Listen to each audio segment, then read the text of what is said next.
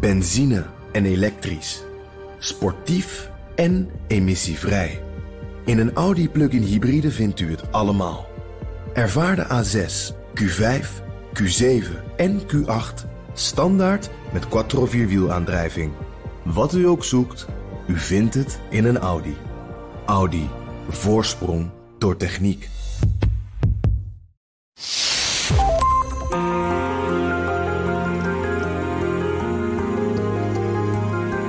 Je luistert naar De Stratege, een podcast van BNR in samenwerking met het Den Haag Centrum voor Strategische Studies. Mijn naam is Paul van Liemt. Waterstof is van essentieel belang om de energietransitie te laten slagen. Maar dan moet die waterstof wel groen zijn en dat is toch een hele uitdaging.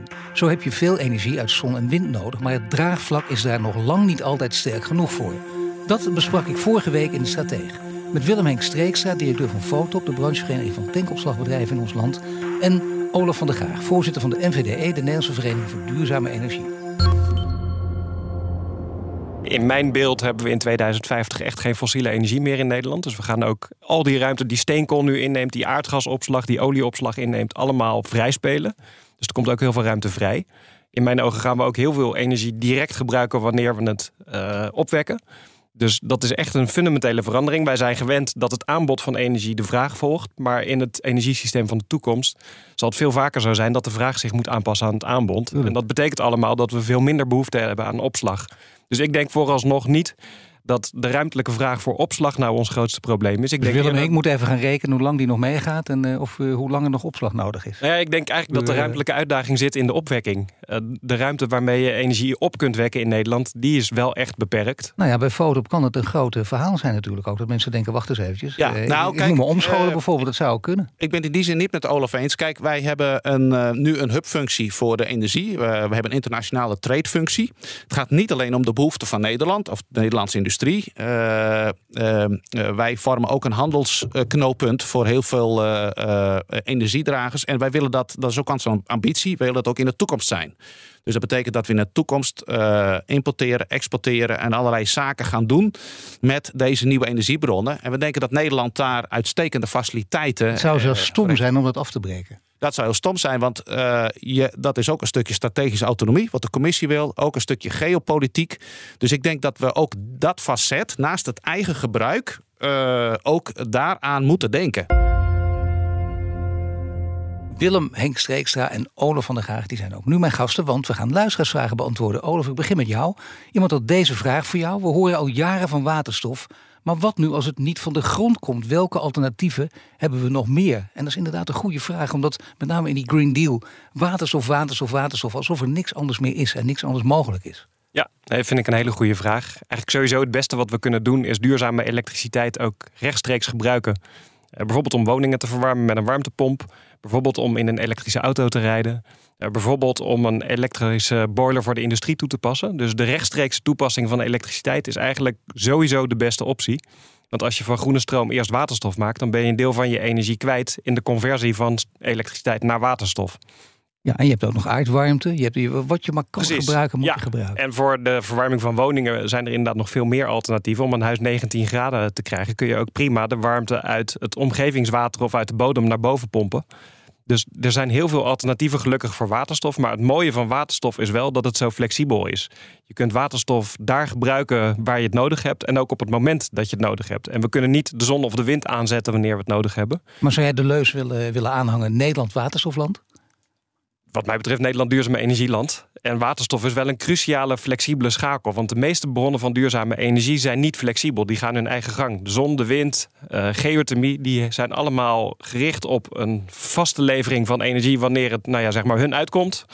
Uh, en we hebben iets nodig om dat hele systeem aan elkaar te breien. En dat is nou net wat groene waterstof kan doen. Ja, tuurlijk. Maar we hebben ook uh, de vorige week besproken in onze aflevering... dat er heel veel nadelen kleven, ook aan waterstof. Nederland waterstofland, zou jij dat willen onderstrepen, Willem Henk, of niet? Of gaat het te ver? Ik, onze, ambitie is om, uh, om, om ook, net als we voor olie nu ook straks uh, voor waterstof wel het land te zijn uh, die heel veel doet. ook voor Europa en internationaal. Dus in die zin ja. daar hangen natuurlijk allerlei vraagstukken omheen. Zoals veiligheid en risico's, ruimtegebruik, volumegebruik, transportstromen. En uh, ja, het is wel noodzakelijk dat we daar met z'n allen in de samenleving goed over praten. Ja, maar dat doen we al heel lang, dat kunnen we ook oplossen. We hebben nog even de tijd gelukkig, maar dat kan toch allemaal opgelost worden, of niet? Ja, nou, ik denk dat, uh, ik denk dat we ons vergissen over, over, het, uh, over het ruimtebeslag en de extra transportstromen. Als je ook Duitsland wil beleveren, wij zijn een belangrijk leveringsland voor Duitsland. We praten niet alleen over onszelf, maar ook over, over Noordwest-Europa. En dat moet wel allemaal door onze rivier, over het spoor, door leidingen, door, de vraag, door vrachtwagens, allemaal uh, naar het achterland worden En er moet er nog meer aangelegd worden waarschijnlijk. Zijn er ook mensen voor, want dat zien we ook. Kinken de kabel van de energietransitie. Te weinig uh, mensen met, met, met, met handen die het kunnen. Ja, ja alleen al vrachtwagenchauffeurs zijn dat tekort hè, om niet aan te, te blijven. Die zijn niet aan. Vrachtwagenchauffeurs zijn bijvoorbeeld niet aan te slepen. De rivier is niet altijd vol water. dan zul je het anders moeten doen.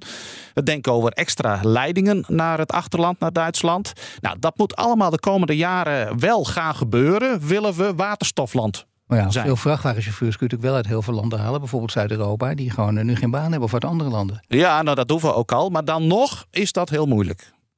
Is, is dat inderdaad toch wel uh, de grote hobbel, Olof, die hier geschetst wordt? tekort aan vakmensen is wel een enorm issue. Ja. Wij hebben ook echt groot tekort aan mensen die uh, elektriciteitskabels kunnen trekken, die zonnepanelen, warmtepompen installeren, huizen isoleren. Dus we hebben echt heel erg veel vakmensen nodig. Dus dat is wel iets wat we moeten zien te organiseren. Maar ik denk dat we dat op korte termijn niet gefixt krijgen. Dus we zullen ook manieren moeten vinden om met minder mensen meer verduurzaming voor elkaar te krijgen. En dus veel efficiënter te worden in de manier van werken. Je hebt vorige week eh, alle kleuren op een rij gezet. Uh, nu is een uh, belangrijk, interessante vraag eigenlijk. Want grijze waterstof die kun je blauw maken. Dat, dat heb je al geschetst vorige week. Maar kun je blauwe waterstof ook nog groen maken?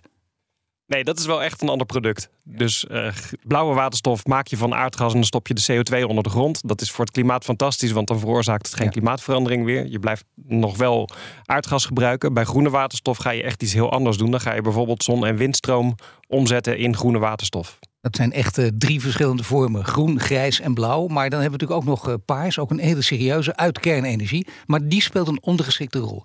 Want die zie je niet in alle discussies terugkomen, maar wel op websites van, laten we zeggen, NGO's.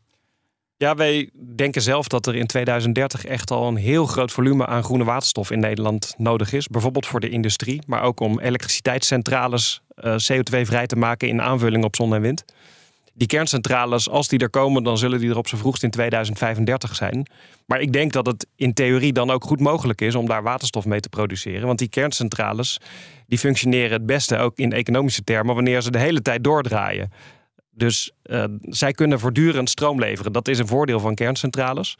Maar zij zullen maar een deel van de tijd nuttig zijn. Want wanneer de zon en de wind uitbundig hun werk doen, dan is stroom gratis in Nederland. En dan kan die kerncentrale beter op datzelfde moment waterstof gaan Goed, maken. Maar niet alleen in theorie begrijp ik, Willem Henk, als ik jou zie knikken. Het is ook in de praktijk is dat gewoon denkbaar. Ja, ja nou ja, Shell heeft, Shell heeft uh, onlangs aangekondigd dat men een kleine kerncentrale wil bouwen voor zichzelf om, uh, om te vergroenen.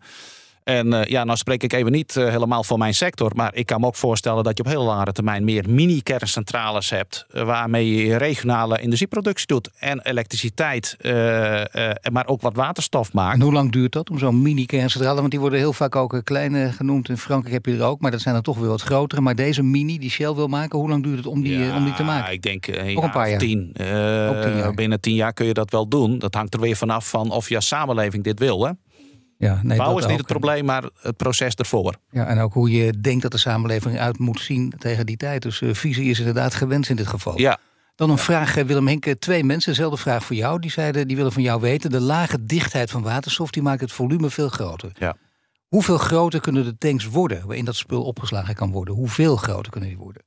De tanks zelf die we nu hebben, die zijn al vrij groot. Uh, je bouwt andere tanks. Ammoniak vraagt, uh, bijvoorbeeld als je in de vorm van ammoniak doet, dan heb je echt andere tanks nodig, veel steviger. Want ammoniak mag er absoluut niet uit ontsnappen.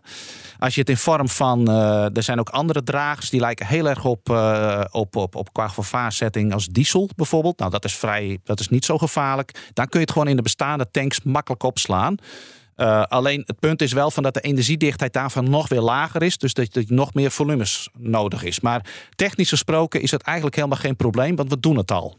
Nee, natuurlijk. Maar in de praktijk zal het toch wel een probleem worden. Althans, je moet iets gaan veranderen. Dat betekent hoeveel tanks moeten er groter worden? Hoeveel nieuwe tanks heb je nodig?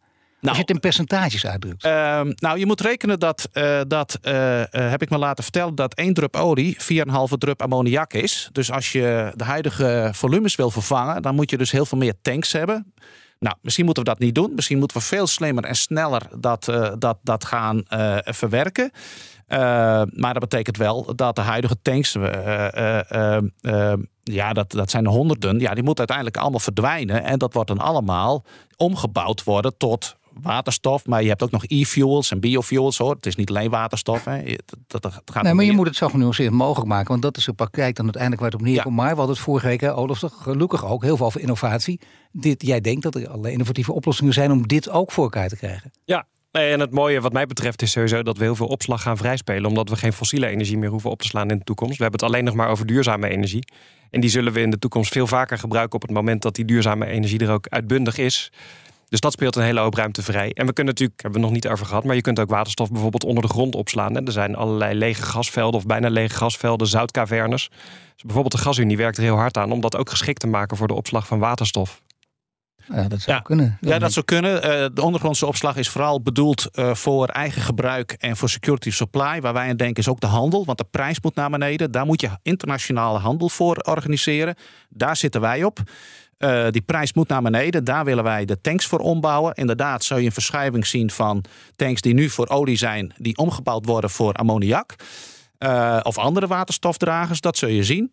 Uh, ja, en, en die ontwikkeling, die moeten we dus nu, die, daar is men nu al mee bezig. Ja, en dat gaat inderdaad de komende 10, 20, 30 jaar zijn beloop uh, krijgen. Ja, hier belangrijk dus dat er veel discussie over is. Dat er, je hebt visie nodig. Wat wil je echt op lange termijn? En die discussie moet ook uitgevochten worden. Ja. Maar daarnaast heb je dus draagvlak nodig. Dat is belangrijk. Ja. En die vraag wordt ook gesteld door een van onze luisteraars, voor jullie allebei. Als de willen echt is, hadden we dan niet al lang waterstof gehad in Nederland, Willem Henk? Ik denk het niet. Uh, het is een technologie uh, die voor een deel ook nog in de kinderschoenen staat. De, de, de, de, de, de industriële schaalbaarheid uh, de zal pas rond 2030 echt gaan lopen. Dus je hebt de tijd nodig om apparaten te maken die dat aankunnen. Uh, en parallel daaraan gaan wij opbouwen. Dus ik denk niet dat dat sneller heeft gekund.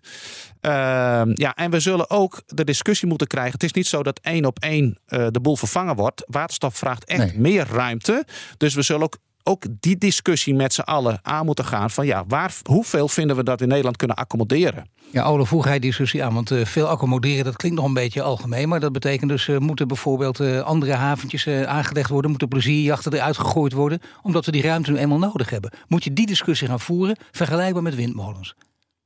Nou, ik denk dus dat die opslag allemaal wel meevalt, omdat we ook heel veel opslagruimte gaan vrijspelen. En ik denk ook wel degelijk dat we moeten leren van het verleden, want we zijn echt veel te traag geweest in Nederland. We wisten vanaf de jaren 70 dat het verbranden van fossiele energie dramatische klimaatverandering gaat veroorzaken. Nu maken we dat mee. We weten vanaf de jaren 70 dat we totaal dubieuze landen heel veel geld geven om onze energie te leveren. Dus we hadden echt veel sneller moeten gaan. En Nederland is in 2013 heel specifiek in dat jaar begonnen met het serieus werk maken van de energietransitie. Nederland had toen 4% duurzame energie. Dat is te treurig voor woorden dat we toen pas daar stonden. Maar vanaf 2013 is Nederland serieus beleid gaan maken. Daardoor hebben wij nu de meeste zonnepanelen per hoofd van de bevolking van heel Europa. Hebben wij het beste systeem voor windparken op zee. Dus vanaf 2030 zijn we tempo gaan maken. En dat tempo moeten we volhouden. En dan moeten we ook gaan uitbreiden naar duurzame warmte, naar duurzame waterstof naar heel veel andere dingen. Maar we zijn eindelijk in, in beweging gekomen. En dit tempo moeten we eigenlijk nu nog zien te verdubbelen. En dan gaat het goed komen. Ja, moeten we leren van 2013 met andere woorden. Willem Henk. Ja, uh, nou, het kan wat ons betreft ook echt sneller. Uh, dat betekent dat uh, het kapitaal is er. Hè. wij vertegenwoordigen een industrie met ontzettend veel internationaal kapitaal. Dat is ook bereid om in Nederland wat te doen.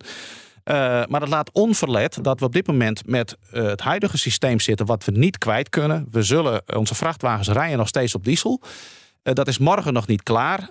tegelijkertijd willen we nu al investeren en zullen we nu ruimte nodig moeten hebben en vergunningen en draagvlak in de samenleving. We kunnen niet eerst de, de, oude schoenen weggooien en dan pas de nieuwe aantrekken. Dat gaat niet. Dus we zullen in een, dat heet ook transitieperiode, we zullen in een wisselperiode uh, uh, dit soort vraagstukken met elkaar moeten ja, Ik heb het idee dat jij vooral zegt een inzet op transitie. Maar Olaf, als ik jou goed beluister, jij zit dan iets meer in op revolutie? Ik heb haast. En ik denk ook dat de werkelijkheid is dat er haast is.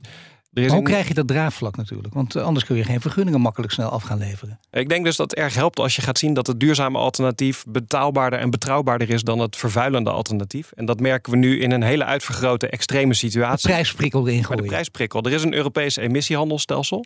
En als we in het huidige tempo doorgaan, betekent dat dat de elektriciteitssector en de industrie vanaf 2040 geen emissies meer mogen veroorzaken. Dat betekent dus als je 2040 niet helemaal omgeturnd bent naar een volledig duurzaam bedrijf, dan ben je out of business. En dat is de nieuwe werkelijkheid. En iedereen die denkt dat we langer dan dat nog een grootste toekomst voor fossiele energie, opslag of verbranding of, of productie hebben, die gaat, die gaat hele pijnlijke tijden tegemoet. Ja, word jij hier ook wat gehaagste van, van deze argumenten? Nee, nou ja, het, het, uh, nogmaals gezegd, hè, van wij, wij kunnen nu heel veel dingen doen. Alleen dan moet men ons wel de ruimte en de vergunningen geven om zaken op te pakken. En we zitten nog wel met een nou ja, goed, maar dat is Olaf net natuurlijk, dat klopt. Ja, ja maar, daar kun je enorm op die prijsprikkel beginnen.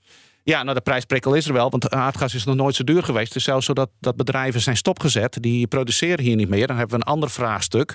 Dus ik denk niet dat je daar heel veel meer aan hoeft te doen. Ik denk ook niet dat het kapitaal op dit moment uh, het grote probleem is. Dat kapitaal is er, maar wil het kapitaal het ook uh, schenken? Wil, wil, het kapitaal in Nederland investeren en wil het kapitaal ook, die moet ook op een gegeven moment weer rendement draaien. En je praat over de pensioenfondsen die, ik zeg altijd, de brandweerman van Kentucky en de leraar in Hawaii uh, ontvangen. Dat geld dat wordt geïnvesteerd. ik zeg makkelijk schenken, maar het is investeren natuurlijk, dat is waar. Maar dan volgens de oude theorie, dat kun je ook doen natuurlijk. denk je, nou, ik ga nu investeren en ik wil hem tien keer terugkrijgen. Zoals je bij, bij startups bijvoorbeeld ook doet, zo denk je in het groot ook. Of zou je dat hier heel anders moeten gaan inrichten?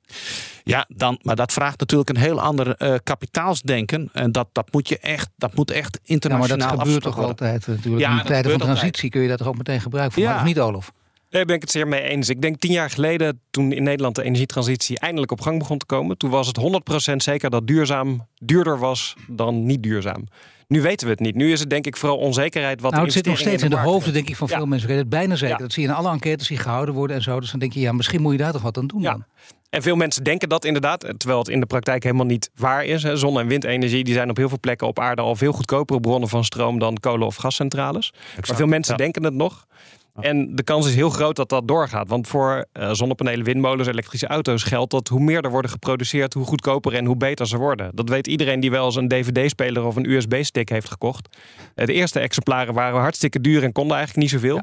Terwijl ze nu bijna gratis zijn en onbeperkte mogelijkheden ja, Dat is, dat is exact ook onze visie. Uh, wij, nou, daarom zitten wij ook wat meer in de zonnige gebieden op deze wereld. We hebben uitgerekend waar tegen de laagste kosten waterstof gemaakt kan worden. Nou, dat is toch rond eh, eh, waar de woestijnen zijn.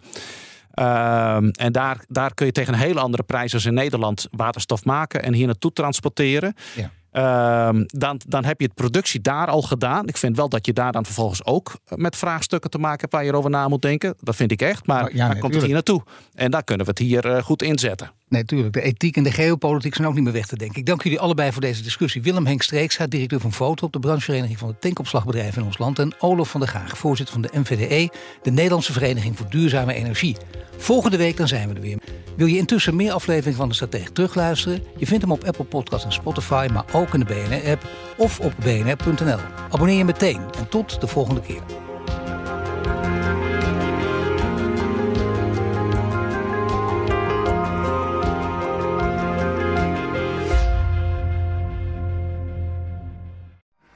Benzine en elektrisch. Sportief en emissievrij. In een Audi plug-in hybride vindt u het allemaal. Ervaar de A6, Q5, Q7 en Q8 standaard met quattro vierwielaandrijving. Wat u ook zoekt, u vindt het in een Audi. Audi. Voorsprong door techniek.